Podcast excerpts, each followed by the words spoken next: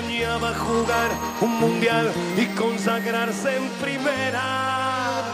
Tal vez jugando pudiera a su familia ayudar. ¡Grande Diego! Torque Lab. EAE Business School patrocina aquest espai.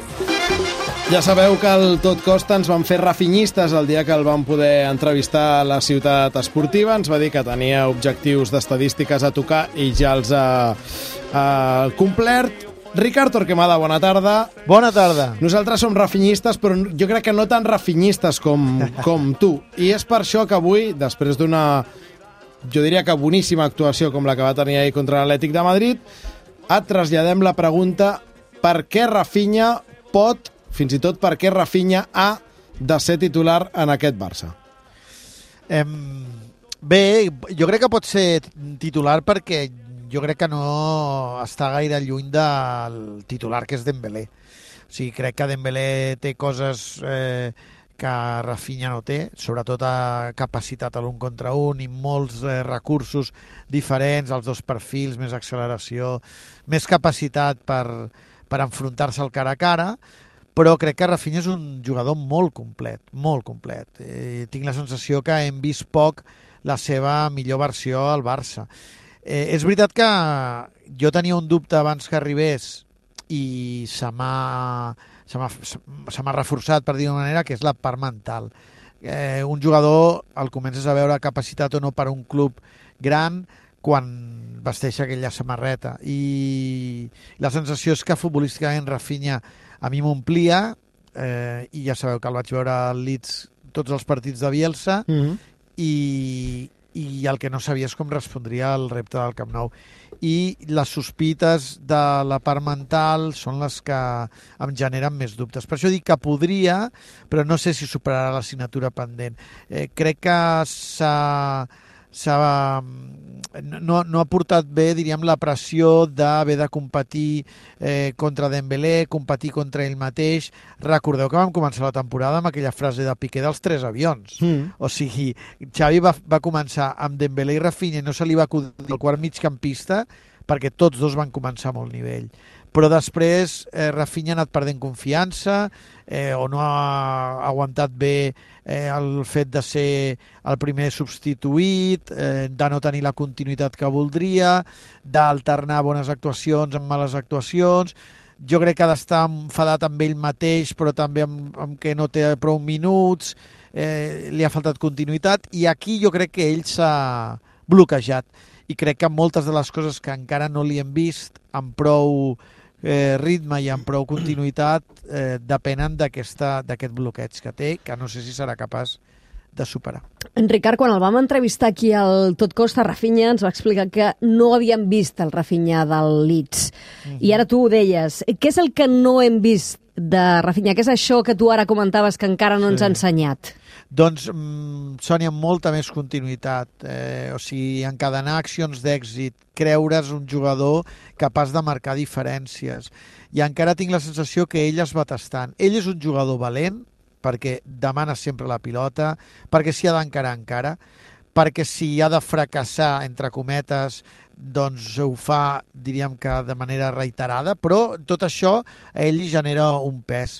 Eh, la sensació és que no l'hem vist dos partits consecutius a alt nivell o en un mateix partit al costat, excepte algunes actuacions com la de l'Atlètic de Madrid o la del United a casa, algunes que tenim assenyalades, tenir un índex, eh, índex d'encert.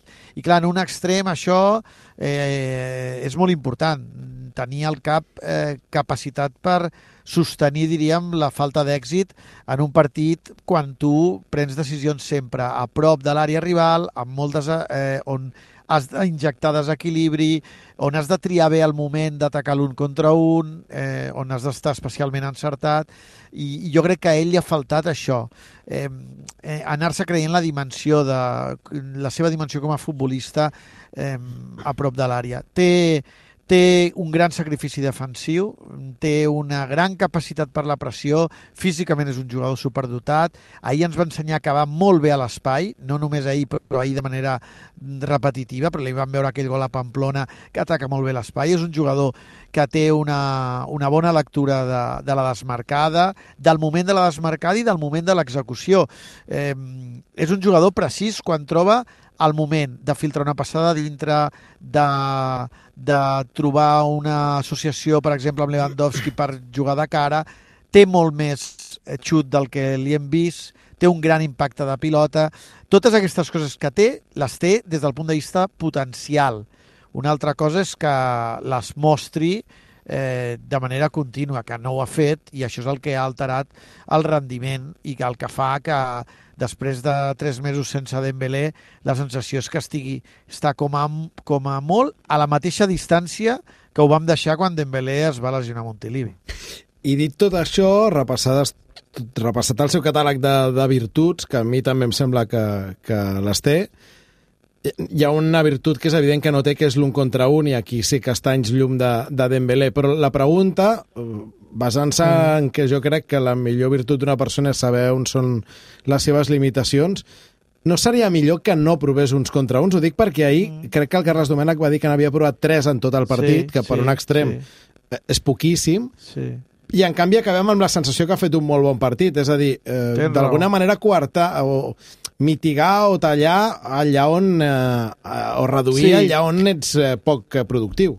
Jo crec que és intel·ligent això que dius, Jordi, perquè hi ha extrems com Dembélé que eh, tenen recursos il·limitats a l'un contra un i que han de continuar jugant-se l'un contra un perquè aquest és el seu encant i el seu punt diferencial. Eh, eh, Rafinha domina altres assignatures, com per no haver de eh, viure d'aquest cara a cara. Però la sensació és que com que està en aquest moment que necessita autoestima, eh, un un contra un, a vegades eh, guanyar un duel et reforça. I aquí jo crec que ell a vegades juga el doble o res i no caldria. No? És un jugador que quan fixa en amplitud té molt bona capacitat per filtrar la passada passadís interior. Ho hem vist amb Gavi, ho vam veure amb Sergi Roberto, quan ell anava per fora, com a vegades és capaç de filtrar aquestes pilotes eh, a l'esquena de l'última línia o amb una paret eh, cap al jugador del carril interior. Eh, aquest, quan aixeca el cap i troba Lewandowski fa una trajectòria cap a dintre. Eh, eh, aquesta diagonal per provar el xut o per, per fer la centrada, que és una centrada molt tensa, però a vegades jo crec que no pren la decisió correcta en el moment adequat. I això a ell eh, a vegades va sobreexcitat o es precipita. Jo crec que producte d'aquesta pau que busca eh, de tenir èxit, de sentir-se que està al seu nivell, que jo crec que ell com us va dir, sap que no ho està. I, i a vegades la recerca del teu nivell eh, a la vida en moltes coses et genera un punt d'ansietat. Eh, I la competència amb Dembélé, ell no la, jo crec que no l'ha no l'ha paït del tot bé. O sigui, mm. la té la sensació que està en una carrera contra rellotge i que continua anant minuts per darrere. Però el que dius tu jo crec que és, inter és, és interessant. Ell té tantes eh, assignatures eh, de notable que anar buscant la matrícula d'honor en una que no domina no és una bona notícia i és alguna cosa que, que ell el desgasta. I, i són dos extrems diferents, Dembélé Totalment. i Rafinha. Doncs en un moment en què la estat d'opinió és que quan torni Dembélé Rafinha serà suplent i fins i tot hi ha qui pensa que hauria de ser traspassat aquest estiu, eh, nosaltres hem invocat un dels seus advocats defensors de referència. Ricard, gràcies. A vosaltres.